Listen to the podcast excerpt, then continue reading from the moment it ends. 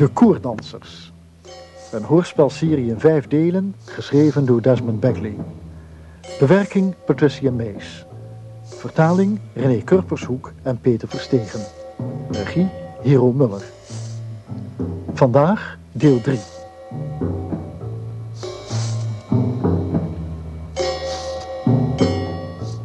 Noorwegen. Giles Dennison is het slachtoffer geworden van een hoogst belangrijke operatie van de Britse geheime dienst. Nadat hij is ontvoerd en bedwelmd, heeft een onbekende plastische chirurg hem een nieuw gezicht gegeven. Het gezicht van professor Harold Merrick. De Britten, inmiddels overtuigd van Dennison's ware identiteit, verzoeken hem om het spel mee te spelen en in zijn nieuwe rol gaat hij met Lynn, de dochter van de echte Merrick, die onverwacht is komen opdagen naar Helsinki.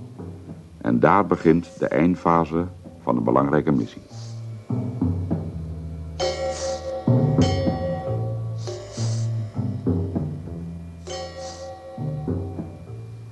Nou, dat gesprek met professor Kirienen heeft niet veel opgeleverd om het zachtjes uit te drukken. Je stelde nogal impertinente vragen. Vind je? Ik wil een verhoor. Oh, nee. Wel, nee. Nee, ik was alleen maar benieuwd naar mijn vader. En het onderzoek waar hij voor de oorlog mee bezig was. En alles wat ik van Kirienen loskreeg was iets over eh, bepaalde aspecten van het gedrag van röntgenstralen. Nou, maar jij werkte ook niet erg mee. Elke vraag die hij stelde ging je zorgvuldig uit de weg. Tja, maar het moest ook wel in. Ik werk voornamelijk voor Defensie en daar kan ik in het buitenland niet over praten natuurlijk. Ach nee, dat kan ook niet. Nee.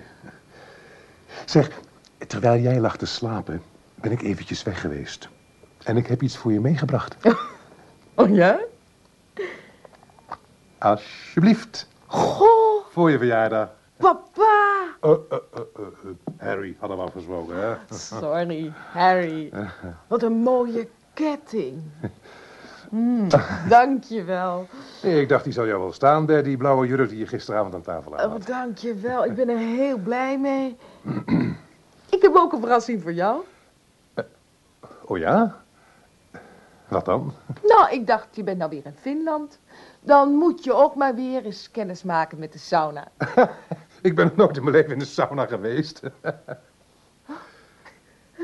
Vast wel. Toen je klein was. Oh, ook toen? Ja, nee, toen ben ik er wel in geweest. Nee, natuurlijk, nee. Nee, ik, ehm, ik beschouw mijn jaren in Finland eigenlijk als een ander leven, weet je. Ik heb je geboekt voor de sauna van het hotel. Om zes uur. Oh, oh. prima.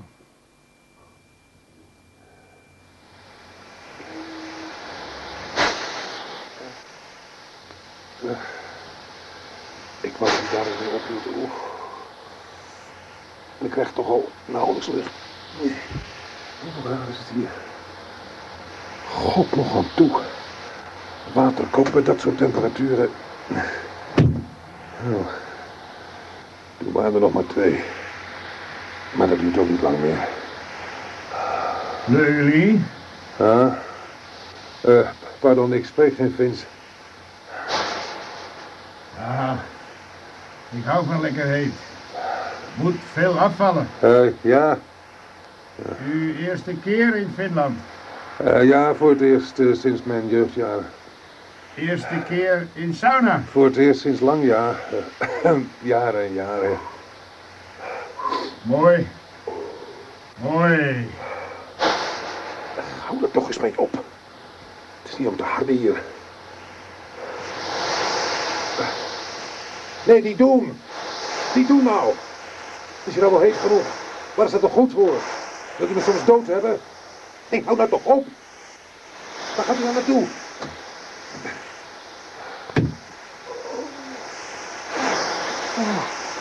Oh. Mijn god. Ik krijg geen lucht. Ik moet eruit. Ik. Ah.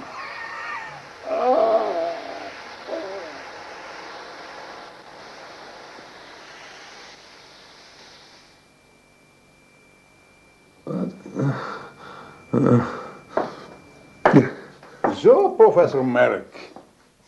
Zijn we daar weer? Waar ben ik in godsnaam? Liggen blijven. Waar zijn die handboeien voor nodig? Wie bent u? Blijf u op dat bed liggen. Nou, schijnen ze ergens anders heen met die lamp. Ik zie geen pesto. Weet u wat dit is? Ik zeg toch, ik zie niks. Ik zal hem wat lager zetten. Zo. Weet u wat ik hier heb, professor Merrick? Een pistool. Maar wat stelt u allemaal voor? Waar zijn mijn kleren? Waar zijn die? Merrick! Ik zal het jou maar meteen vertellen. Wij hebben jouw dochter. Bewijs u dat meer eens eens. Dat kan ik. Dat is nou het voordeel van die kleine, moderne bandapparaatjes. Vertelt u me eens, wat doet uw vader hier in Finland? Hij is hier met vakantie. Heeft hij u dat zelf verteld? Wie anders? Hij is vanmiddag bij professor Kerienen geweest. Dat lijkt me eerder werk dan ontspanning. Hij wilde een paar dingen aan de weet komen. Over zijn vader. Mijn grootvader. Wat wilde hij dan aan de weet komen? Kom, juffrouw Merk. We doen u en uw vader niets, mits u antwoord geeft op mijn vraag. Dan laten we u ongeveer weer vrij. Natuurlijk kan ik u niet garanderen dat mijn collega zich aan die laatste uitspraak zal houden. Goed, u kent meneer Carey van die Britse inlichtingendienst. Het heeft geen zin te ontkennen. Wij zijn hier om te praten met de Finse regering. Waarover? Een militair project. Wie van die regering? Eigenlijk niet van de regering. Iemand van de militaire inlichtingendienst. Wie? Wie, professor Merrick? Ehm het Sorinen. Dat is een architect. Deze niet. Dit is een eh, kolonel bij het leger.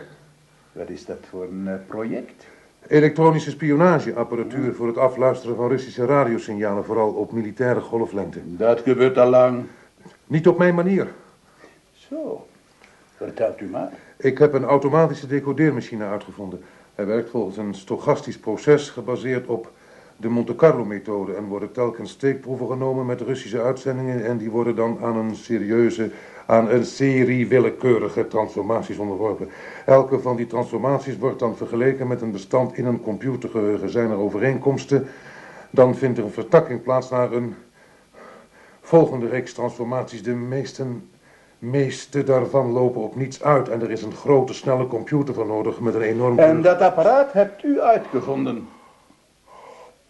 Ik heb de schakelingen ontworpen en geholpen bij het programmeren. En waarom krijgen de Finnen het? Zij krijgen het niet. Wij hebben het van hen. Zij hebben het principe ontwikkeld, maar ze beschikken niet over de middelen om de machine te bouwen. Dus toen hebben ze het ons maar toegespeeld. En professor Kerjenen. Ehm laat u dat bandje nog eens horen. Hoezo? Ik zeg geen stom woord meer voordat ik het gehoord heb. Oké. Ah, Vertelt u me eens, wat doet uw vader hier in Finland? Hij is hier met vakantie. Heeft hij u dat zelf verteld? Wie anders? Hij is vanmiddag bij professor Kerienen geweest. Dat lijkt me eerder werk dan ontspanning. Hij wilde een paar dingen aan de weet komen. Over zijn vader. Mijn grootvader. Wat wilde hij dan aan de weet komen? Kom, juffrouw Merk. We doen u en uw vader niets, mits u antwoord geeft op mijn vraag. ik zal jou rotzak! Laat dat pistool vallen! Wim, als je zo blijft doen, Diana, dan jezelf maar Wat doet die verdomme op dat bandje? Ik hoop dat Nou ja, je geen tijd. Ik moet hier weg. Kleren of geen kleren.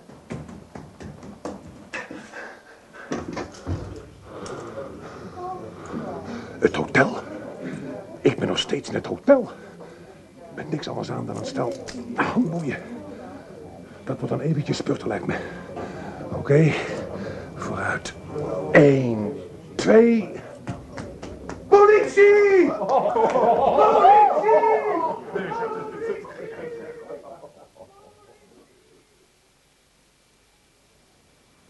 Het lijkt erop alsof er in die sauna niet alleen water over die hete stenen is gegooid. Mhm, ik heb gehoord dat sommige Finnen bij wijze van experiment wel Kosken Korva als leulie gebruiken. Kosken Korva? Ja, dat is een soort Finse wodka. Iemand met een scheikundeknobbel kan natuurlijk best een middeltje verzinnen dat bedwelmende dampen maakt. Eh, je verhaal lijkt me dus wel aannemelijk. Oh, bedankt. Maar weet jij nog wat je tegen die vent hebt gezegd over die idiote decodeermachine van je? Ja, het staat in mijn geheugen gegrift. Ik zei, hij werkt volgens een stochastisch proces gebaseerd op de Monte Carlo-methode. Inderdaad. Ja, maar ik weet niet eens wat stochastisch betekent. Maar ik wel. Stochastische processen werken met een waarschijnlijkheidsfactor. De Monte Carlo-methode is oorspronkelijk bedacht om de diffusiesnelheid van uranium-hexafluoride door een poreuze wand te voorspellen. Maar later zijn er ook andere toepassingen voor gevonden. Maar daar weet ik helemaal niks van af. Hm, kennelijk wel. Als jij dacht dat je maar wat raaskalde, dan heb je het mis. Voor een wiskundige of een computerdeskundige klinkt het heel zinnig. Maar hoe kwam je er in godsnaam bij om dat verhaal op te dissen? Nou ja, ik zoog het zomaar op een duim. Ik kon hem toch moeilijk gaan vertellen waarom we hier eigenlijk zijn. Hè? Kom nou, Dennison. Hoe voelde je je toen je zo lag te oreren? Als jullie het echt willen weten, ik was als de dood. Voor die man? Nee, niet voor die man. Nee, voor mezelf. Eh, ja, voor wat er in mijzelf van binnen gebeurde. Dan laten we dat maar even rusten. Ja, Jij zegt dat die man jou accepteerde als Merrick. Hm? hij trok het niet in twijfel tenminste. Maar waarom ben je hem dan aangevlogen, terwijl hij een pistool in zijn hand had? Nee, op dat moment eh, had hij het niet in zijn hand. Hij had die cassette-recorder vast. En het schoot ineens door me heen dat het bandje nep was. Hè, dat dreigement aan het slot klonk anders. Dat klonk doffer. En verder was het een doodgewone conversatie die volkomen natuurlijk verliep. En daaruit maakte ik op dat die man Lin niet te pakken kon hebben. Dus deed ik wat ik deed. Heel logisch. En heel juist. Lynn zat gisterenmiddag in de foyer van het hotel... toen er iemand bij haar aan het tafeltje kwam zitten die haar begon uit te horen. Ja. In de bloempot of in de asbak moet een microfoon hebben gezeten... waarmee het gesprek is opgenomen. Diana Hansen was in de buurt en kreeg in de gaten wat er aan de hand was.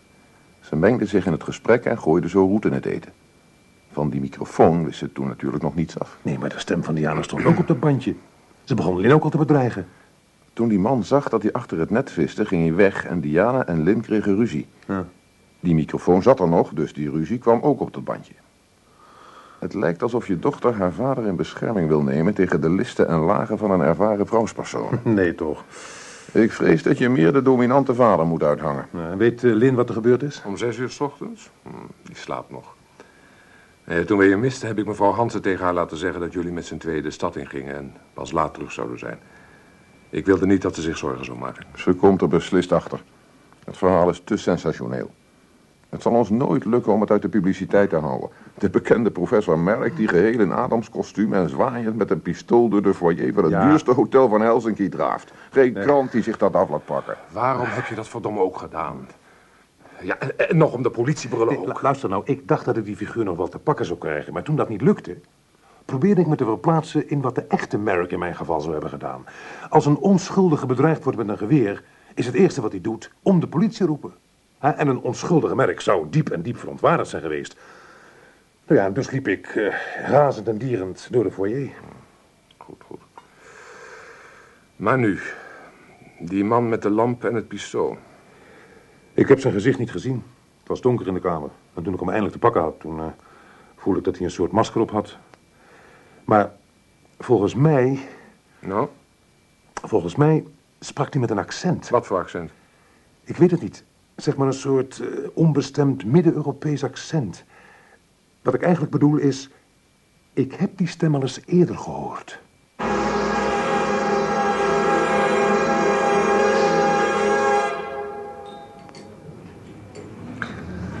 Toch zit die Dennison me niet lekker. Je bedoelt dat verhaal waar je mee op de proppen kwam? Ja, natuurlijk. En nog meer dingen. Maar voornamelijk dat. Iemand als Merrick zou heel goed zo'n apparaat kunnen uitdenken. Maar hoe komt Dennison eraan? Ja, daar heb ik ook over nagedacht. Hou jij rekening met de mogelijkheid van een, nou ja, een soort dubbele persoonsverwisseling? Druk je eens duidelijker uit. Nou, kijk. We zitten met een man van wie we geloven dat het Dennison is. Zijn geheugen is geblokkeerd. En iedere keer wanneer hij zijn identiteit probeert te bewijzen, breekt het zweet hem uit. Dat heb je zelf meegemaakt. Ja, en? Stel nu eens dat het toch Merk is. Ook met een geblokkeerd geheugen. Die alleen maar denkt dat hij Dennison is. Harding zegt dat dat kan. Dan zou alles wat er in een crisis uit het verleden naar boven kwam louter merk zijn. Waar zijn we in godsnaam terechtgekomen? Ah, Nee, George. Die vliegen gaat toch niet op? Iredale zei zelf dat het Merrick niet was. Nee, dat zei hij niet. Hoezo? Ik kan hem letterlijk citeren. Iredale heeft gezegd, het is Merrick niet... tenzij Merrick onlangs bij een plastisch chirurg is geweest. Dat we net nu met allerlei twijfels komen te zitten. Maar luister nou eens. Ik ken Merrick. Hij vecht met zijn tong en gebruikt zijn sarcasme als wapen. Maar in een echt gevecht klapt hij in elkaar. Dennison is een stille, beleefde vent die in een crisis over het instinct van een geboren vechtjas blijkt te beschikken. Hij is de volstrekte tegenpool van Merrick. Onthoud dat nog maar. Toch blijven er nog veel vragen onbeantwoord. Oké, oké. Dan laat ik nu Giles Dennison's hele doopcel lichten. Ik laat zijn hele leven uitbuizen, van dag tot dag. Als het moet van minuut tot minuut. Maar ik wil weten hoe hij aan al die wiskundige kennis komt. En eh, ik wil Harding hier hebben. En vlug. Die kan Dennison voor ons aanpakken. Op de enige manier waar hij verstand van heeft. Psychologisch.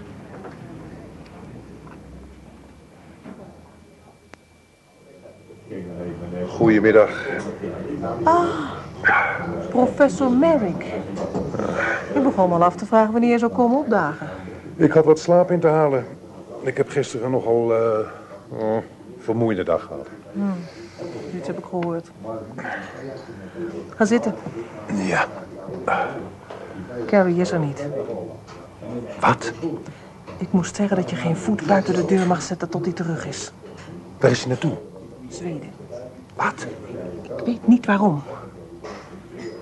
Zo, nou, ik, eh, ik heb de boodschap overgebracht. Dus ik stap maar weer eens op. Oh, en eh, niet meer naar de sauna. Uh, voor mijn leven niet. Maar als, eh, wie die ze ook mogen zijn, als we nou nog eens te grazen nemen. Daar hoef je niet bang voor te zijn. Je wordt in de gaten gehouden door Ian Armstrong. Dat is die zwaargewicht daar. Tweede tafeltje rechts van je. Ah. Niet laten merken dat je weet wie die is. Ja, goed. En als je ergens heen gaat, zorg dan dat hij je bij kan houden. Uh, hele troost. Zeg, Diana, eh, maar waarom is hemelsnaam naar Zweden? Tot ziens, professor Merrick. Wat kan er in Zweden nou zijn gebeurd... dat Carrie daar zo hals over kop naartoe moest? Hallo, Harry. Hm? Je ziet er niet uit. Ja, zo voel ik me ook, Lin. Hm, Ik eh, ben laat opgestaan. dat heb ik begrepen, ja. En ik heb een raar verhaal gehoord vanmorgen over jou. Je meent het. Waarom heb je ruzie gemaakt met Diana? Die zag ik net weglopen, dus dat heeft ze je verteld. Nee, ze heeft er niks over gezegd. Wie dan wel? We waren alleen. Het is geen prettig gevoel je voor je eigen vader te moeten schamen. Ik heb die verhalen die mama allemaal over je vertelde nooit geloofd. Maar ik begin nu te twijfelen. Maar wat markeert er dan aan Diana Hansen? Ach, En wat heb je nou eigenlijk precies over me gehoord? ik weet dat je gisteravond met dat mens op stap bent geweest, want dat heeft ze me verteld.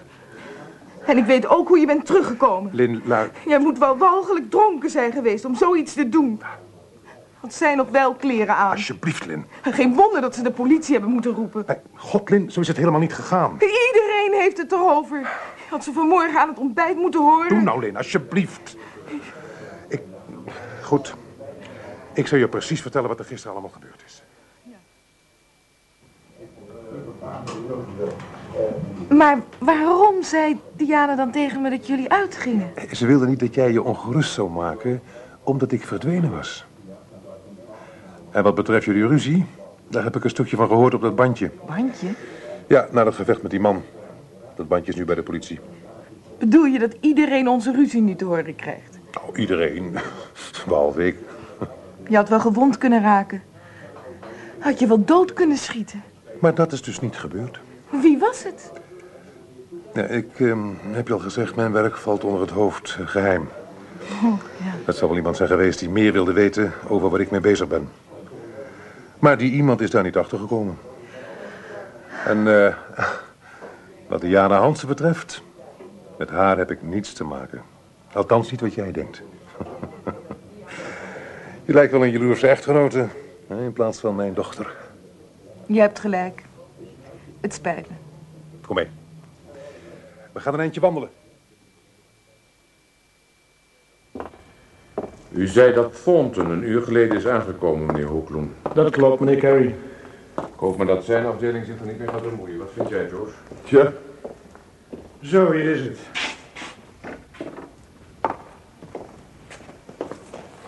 Mag ik u voorstellen? Dr. Carlson, meneer Carey. Maakt u. Dit is mijn collega McCready. Hoe maakt u het? Hoe maakt u het? Meneer Thornton kent u al, heb ik begrepen. Hallo, Thornton. Carey. Nou, dokter Carlson. Mogen we het lijk zien? Zeker.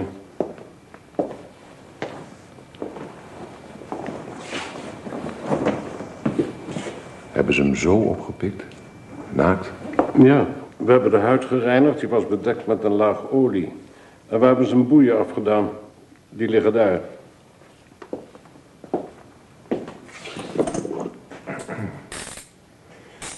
En de doodsoorzaak? Dat weten wij pas na de lijkschouwing.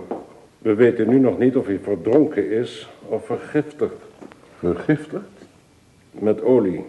Maakt ook niet veel uit. Of er nou in olie verdronken is of met olie vergiftigd. Kunt u hem identificeren, meneer Carey? Op dit moment niet, nee. Jij, Thornton? Ik heb die man nog nooit eerder gezien. Het lijk moet worden geconserveerd. Hebt u daar faciliteiten voor? Nee, niet hier op Eulon. We kunnen het naar het vasteland brengen, zodra dokter Carlson klaar is met de sectie. Ik wil een pertinente identificatie voordat er ook maar iemand aan dat lijk komt. Of het gaat naar Engeland, of er komt iemand naar Zweden. In ieder geval wil ik, met alle respect, dokter Carlson, dat een van onze pathologen sectie verricht. Deze zaak valt onder onze jurisdictie, meneer Carey. Dat zoeken onze superieuren wel uit, meneer Koen. In elk geval heeft het incident plaatsgehad in internationale wateren. Weten we zeker dat hij niet van die tanker afkomstig is? Van de tanker is iedereen terecht. Er was wel één dode, maar dat lijk is geborgen. Deze man kwam van die andere boot, gegarandeerd. De kapitein van de tanker zegt dat die ander geen lichten voerde. Ja, natuurlijk, zegt hij dan. Maar het eh, zou waar kunnen zijn. Klopt het dat het andere schip niet geïdentificeerd is? Nog niet, nee. Maar daar wordt aan gewerkt. Hm. Nou, dan kunnen we hier verder niets doen. Tenzij jij, Thornton... Nee, die identificatie moet jij me verder regelen. Oké. Ga je mee, George? Ja.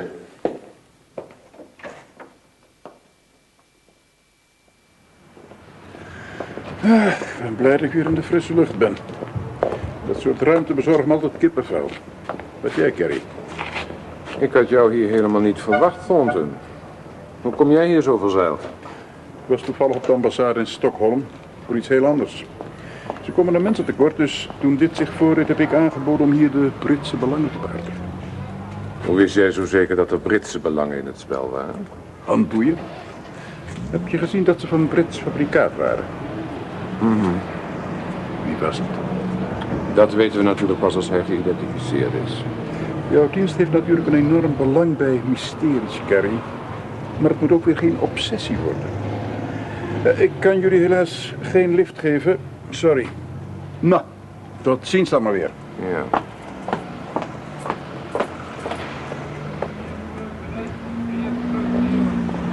Ik vind het maar raar, Doort. Nou, kan jij je voorstellen dat een kopstuk van BZ als Thornton zich aanbiedt voor een klusje dat de eerste, de beste, jongste bediende op de ambassade net zo goed had kunnen doen? Zou je van Merks verwisseling afweten, denk je? Ik weet het niet. Uit wat hij binnen zei zou je opmaken dat hij Merk helemaal niet kende. Nee, George. Daar heeft iemand zwaar pech gehad. Dat geldt in ieder geval voor Merk. Nou, ik dacht meer aan degene die hem gekidnapt hebben. Je brengt hem naar Kopenhagen. Zet hem op een boot naar waar dan ook. En dan wordt je boot geramd door een tanker. Die naar het westen vaart. Dus die boot voer waarschijnlijk naar het oosten. Niet zo'n haast. Moet ik niet te gauw conclusies trekken. Ja, natuurlijk, je hebt gelijk. En we moeten er zeker niet zonder meer van uitgaan dat dat doorgesmeerde lijk daar binnen Merk is. Daar hebben we ons al eerder mee vergalopeerd. Ik laat Aardeel bij de sectie halen. Zodat hij kan kijken of er sporen van plastische chirurgie zijn. Er moeten vingerafdrukken van het lijk worden genomen. En die moeten worden vergeleken met afdrukken bij hem thuis. Nou, kom, laat me een beetje voortmaken. Ik heb nog een afspraak met Harding en Elsie.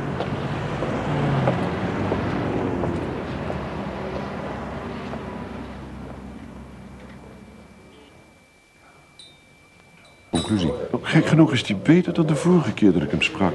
Beter geïntegreerd. Hoe staat het met zijn alcoholgebruik? Oh, alleen af en toe nog een biertje. Nou, het zou kunnen zijn dat deze ervaring op een hele rare manier een therapeutisch effect op hem heeft gehad. Al lijkt het me niet aan te bevelen als reguliere behandeling. Maar we weten nu wat meer van zijn voorgeschiedenis af. Daarom ben ik nu beter in staat om zijn toestand op dit moment te beoordelen. Kijk, Dennison was vroeger een beetje een autogek. Hij reed een Lotus. Drie jaar geleden kreeg hij een ongeluk... waar hij gedeeltelijk, maar echt gedeeltelijk schuld aan had. Zijn vrouw kwam daarbij om. Ze waren pas anderhalf jaar getrouwd. Zelfs zwanger ook nog. Beroerd. Ja, hij gaf louter zichzelf de schuld.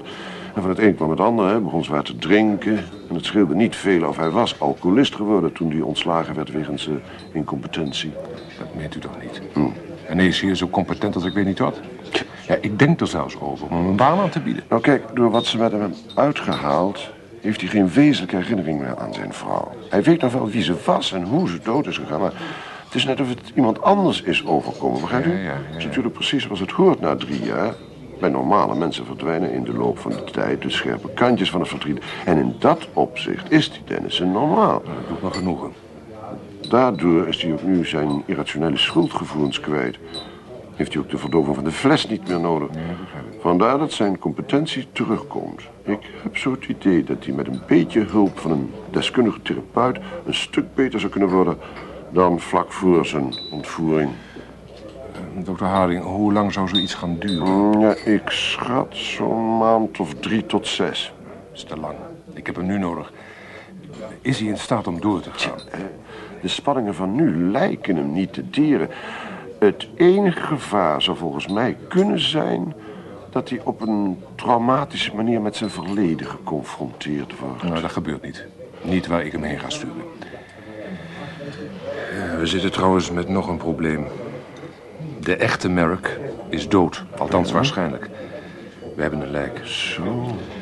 Zijn dochter kan ik dat niet vertellen. Niet met Dennison in de buurt. Maar waar het om gaat is... Vertel ik het Dennison? Eh, liever niet. Hij heeft het al moeilijk genoeg met die eh, Lin.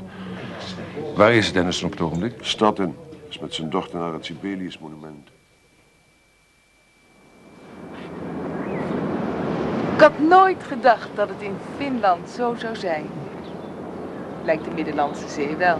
Ja. Ibiza. Weet je nog dat we op Ibiza waren? En dat jij toen die kreeft ving en dat je met spoed naar de dokter toe moest. Tja, tja. Eh, is er wat? Er is iets aan de hand. Wat bedoel je? Er is iets raars aan deze hele geschiedenis. Je verzwijgt iets voor me. Ja, Godlin, eh, er zijn inderdaad dingen die ik niet kan vertellen. Dat hoort bij mijn werk. Ik, eh, ik ben ook gebonden aan mijn zwijgplicht. Ik heb zelfs een eigen Harry, hou alsjeblieft op. Er klopt ergens iets niet. Wat, klopt er dan niet? Er klopt iets niet aan... aan jou. Ik betrap mezelf erop dat ik steeds op zo'n vreemde manier aan je moet denken. Op een manier zoals je niet over je eigen vader hoort te denken. Waar ik me voor schaam. Maar je bent ook zo anders. Helemaal niet zoals ik mijn vader ken. En er is te veel dat anders is. En nou heb ik ineens zo'n bizar idee gekregen. Volgens mij kunnen we hier beter over ophouden. Nee. Ja, nu meteen. Nee, eerst wil ik je een paar dingen voorleggen die ik niet helemaal snap. Daarnet had ik het over dat je in Ibiza naar de dokter moest. Maar je bent helemaal nooit naar Ibiza geweest. En in de auto op weg hier naartoe had ik het over een fijne vakantie op een jacht, de Hesperia. Dat jacht bestaat helemaal niet. Wil je dat ik doorga? Nee. Nee, laat maar. Ik kan daar maar één ding uit opmaken. Je bent mijn vader niet. Je bent het niet.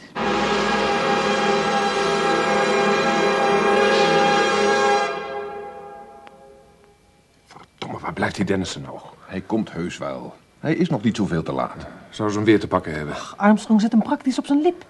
Ja, door de berichten uit Engeland zijn we in ieder geval wat wijzer geworden. Vertel eens. Nou, toen Dennison uit de sauna was ontvoerd... heeft hij een hele wiskundige riedel voor onze tegenstanders afgedraaid... om ze te misleiden. Nou, Hij wist zelfs niet wat hij zei, maar het was het soort jargon dat Merk zou hebben gebruikt. Wij snapten niet hoe Dennison eraan kwam. Ergens uit zijn verleden. Uiteraard, maar zo'n soort verleden heeft hij niet. Nee, inderdaad, nee. Hij, hij was filmregisseur, hè? Ja, maar niet zomaar één. Hij maakte documentaires. We hebben ontdekt dat hij een serie onderwijsfilms over wiskunde heeft gemaakt... voor de public relations afdeling van een groot computerbedrijf. Een regisseur zal, neem ik aan, een basiskennis moeten hebben van zijn onderwerp. Al zie je dat aan de tegenwoordige filmpjes niet altijd meer af. Maar zo is hij natuurlijk aan dat jargon gekomen. Ik neem hem wel. Hallo? Meneer Kerry, Zeg het eens, Ian. Ik zat in mijn kamer met de deur open... zodat ik de kamer van Dennison aan de overkant goed kon zien. En een minuut of twintig geleden kwam Lim Merk naar buiten stuiven... met zo'n vaart dat ik maar eens op de gang ging kijken. Ze greep me beet en zei dat Dennison een soort aanval had gekregen. Ik ging de kamer in en dan lag hij voor lijk op de vloer. Een minuut of vijf geleden is hij weer bijgekomen. Ja, hoe is het met hem? Goed, zegt hij zelf. Nou, breng hem maar gauw hier. Dan kan dokter Harding me even bekijken. Lim Merk komt ook mee, zegt ze. Niks daarvan. Afvoeren. Volgens mij begrijpt u het niet helemaal. Toen ze me in de gang aanschoot, zei ze dat Dennison een aanval had gekregen. Niet Merk. Dus ze is op de hoogte. Het lijkt erop. Nou, neem me dan maar mee. Maar hou ze in de gaten. En doe het onopvallend. Goed, meneer Kerry. U hebt me nu verteld hoe u heet en hoe uw collega's hier heten.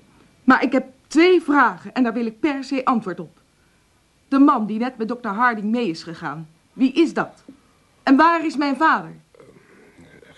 Gaat u even zitten, juffrouw Merk. Ik snap er niets van. Hij zei dat hij Dennison heette en hij kwam met een onwaarschijnlijk verhaal. Het verhaal is helaas waar. Maar mijn vader dan? Juffrouw Merk, ik moet u tot mijn spijt meedelen... Hij is dood. vermoedelijk door een ongeluk. Zijn stoffelijk overschot is drie dagen geleden uit de Oostzee gehaald. Mm. Er was een aanvaring geweest tussen een olietanker en een ander schip. Oh. Het, eh, het spijt me voor u. Juffrouw Merk, zou u nu mij iets willen vertellen? Ja, Toen Dennison u zijn verhaal had verteld... hebt u hem toen uitgehoord over zijn verleden? natuurlijk. Ik wou weten wie die was. Wie die is. Dat mag u nooit meer doen. Dat kan heel gevaarlijk voor hem zijn. Als er ook maar een kwart klopt van wat hij me heeft verteld, dan is het walgelijk wat u met hem uithaalt. Die man heeft psychiatrische hulp nodig. Die krijgt hij ook op ditzelfde ogenblik. Dr. Harding, die Dennison naar hiernaast heeft meegenomen, is psychiater. En u moet één ding goed begrijpen. Dennison doet vrijwillig mee. Hij heeft er zelf voor gekozen. Wat je kiezen noemt. Dat is weer wat anders. Eh, Ian, wil jij bij Dennison gaan zitten? Dat is niet nodig. Hij komt er zo aan. Ik heb hem even aan het denken gezet. Hoe is het met hem? Hm, hij is zo weer in orde. Weet u nog dat hij zijn mond voorbij heeft gepraat tegen juffrouw Merk? Jazeker. Hij weet alleen niet meer wat ze hem vroeg vlak voordat hij flauw viel. Juffrouw Merk, wij moesten maar eens een praatje gaan maken. Doe geen moeite, zij gaat terug naar Engeland. Ik ga niks. Als u mij op het vliegveld naar Engeland zet, dan weet ik daar een hele hoop mensen die zeer geïnteresseerd zullen zijn in wat ik te vertellen heb. Zo. Nou, dan ziet het er naar uit, George, dat we haar hier moeten houden. Eh, regel jij haar hotelrekening en zo. En dan? Jullie kunnen me hier niet eeuwig houden. Ooit kom ik weer in Engeland en dan zorg ik gegarandeerd dat dit verhaal... De kranten zullen er niet over schrijven. Er bestaat zoiets als een publicatieverbod om redenen van staatsveiligheid. Dacht u nou echt dat twintig universiteiten vol studenten zich iets van uw publicatieverbodje zullen aantrekken? God, ze heeft natuurlijk gelijk. Dus, wat doet u nu? Mij, eh, liquideren? Ze doen helemaal niks. Want anders zullen jullie voor mij iemand anders moeten zoeken. Eh, Ja, eh, pak een stoel, Dennison. We zitten met een probleem. Ja, dat merk ik, ja. Juffrouw Merk, vertelt u eens... waarom maakt u zich zo druk over Dennison? Het is tenslotte een vreemde voor u. Niet meer. Zo. Mijn vader was meer een vreemde voor me dan Giles. Ik had hem twee jaar niet gezien. Toen ik hem terugzag, althans dat dacht ik, was hij veranderd, aardiger. Ik leerde een nieuwe vader kennen, dacht ik. Maar eigenlijk leerde ik iemand anders kennen. Hmm. Probeer je best eens te doen, Giles. Oh, is nou alleen Giles. Hm. Luister, Lin. Ik weet waarmee ik bezig ben. Die missie is echt heel belangrijk. Hoe kun je nou weten waarmee je bezig bent?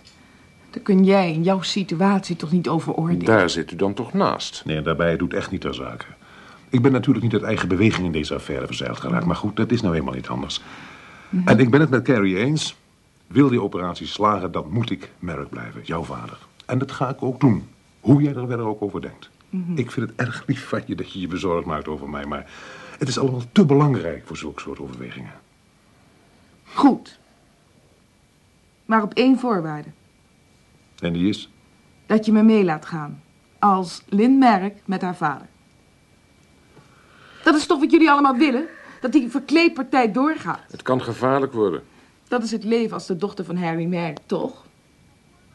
U hebt mijn voorwaarden gehoord, dus u zegt het maar. Ik ga akkoord. Ik niet. Het is Copper, Giles, net haar vader. Het is natuurlijk een oplossing. Lin, weet je het zeker?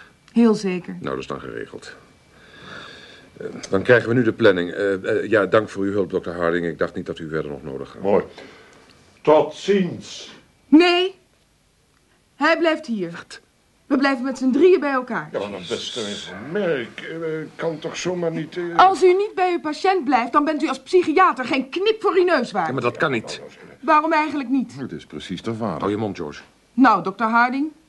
Hoor ik nog wat? Ja, eh...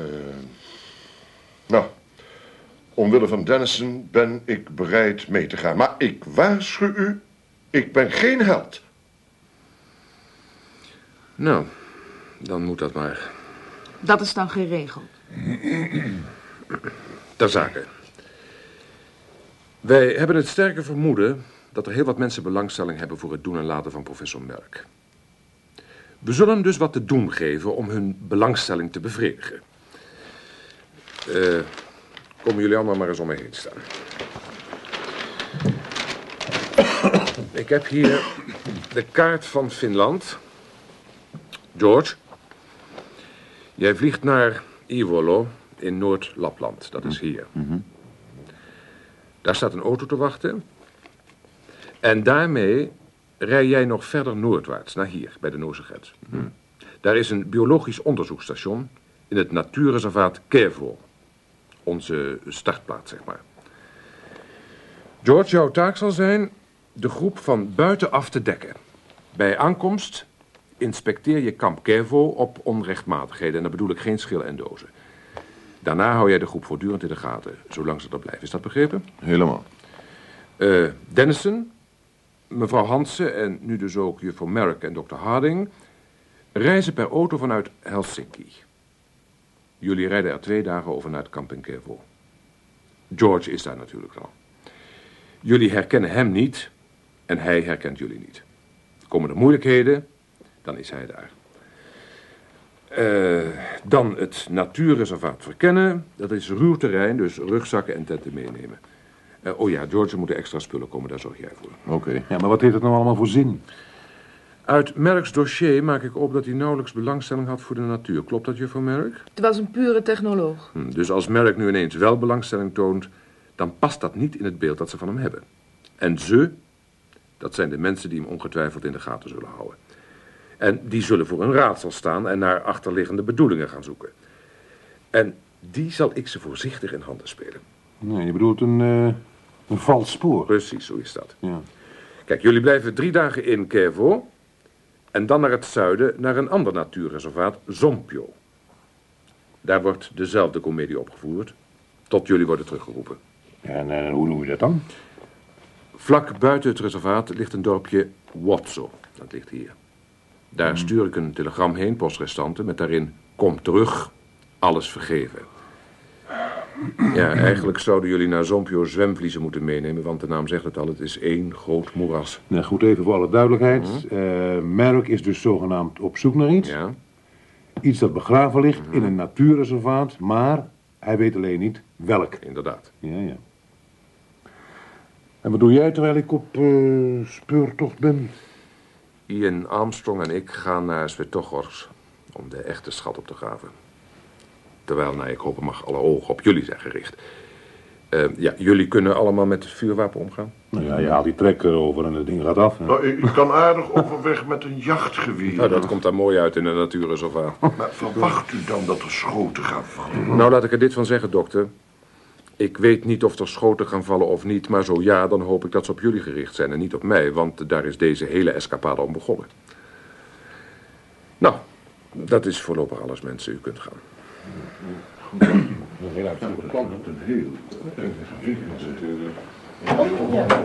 Nou, George. Wat vind je ervan, eerlijk zeggen? Een lastige tante, dat kind. Zorg maar zo goed mogelijk voor. Ik maak me vooral zorgen om jou. Die merk laat me niet los. Als het inderdaad de Russen waren die hem hebben ontvoerd... en als hij doorgeslagen heeft, dan zit je zwaar in de problemen. Je loopt het risico dat je in Svetogorsk door een ontvangstcomité wordt opgewacht. Maar een berekend risico. Kijk, Merck's lichaam vertoonde geen sporen van geweldpleging. En ik betwijfel of Merck vrijwillig zou hebben gepraat. Volgens mij hebben ze de tijd niet gehad om hem aan praten te krijgen. En trouwens, we weten niet eens wie het waren. Nee, waar ik me zorgen over maak is mijn achterhoede. Gisteravond heb ik Sir Charles Hastings gebeld via de spraakvervormer op de ambassade. Ik heb gezegd dat Thornton hier rondsnuffelde. Hij zou er iets aan doen, zei hij. Mooi. Maar in ieder geval hoef jij je pas zorgen te gaan maken over de oorlog tussen de ministeries als je op mijn niveau zit. Hè? Oh. Nou, Londen baart me lang niet zoveel zorgen als Svetogorsk. Het plan gaat door, George.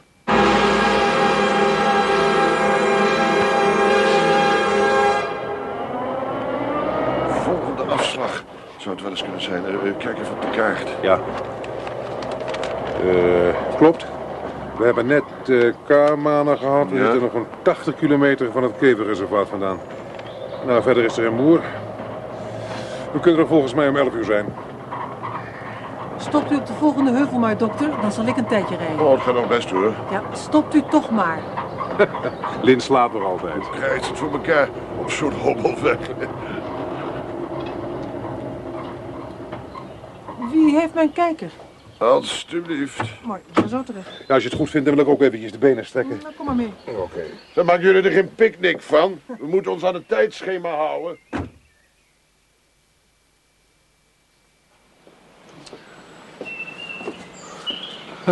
Je kijkt alweer achterom. Is er wat te zien? Nee, Dat doe je nou elk uur. Deze kleine ceremonie. Wordt erg niet gevolgd hoor. Je hebt niet veel verstand van dit werk, hè? Nee, dat klopt. En dan komt iemand als jij erin verzeild. Het is gewoon mijn baan. Je bedoelt, eh, je had net zo goed eh typiste kunnen zijn of zoiets als professor Merrick? Luister eens even. Van nu af aan praat je over Merrick niet meer in de derde persoon. Ook privé niet. Jij bent Harry Merrick. Ik ben Harry Merrick, ja. Juist. Ik zal erop letten, juf. En dan luister jij ook eventjes. Je moet Lin niet op haar nek zitten. Ze is in de war. Zo zou je het inderdaad wel kunnen noemen, ja. Het is niet makkelijk om verliefd te worden op een man die op je vader lijkt waar je de pest aan hebt. Maar zij heeft het hem gelapt. En er is nog iets waar je gelijk aan hebt. We worden niet gevolgd. Kom, voor we verder gaan, zullen we eerst eens een beetje schieten. Wat, schieten? Ja, oefening. Als het trammeland komt, wil ik zeker weten dat de mensen die ik bij me heb iets kleiners kunnen raken dan een buffel op 50 meter. Van nu af aan, Harry, staan we allemaal in de frontlinie.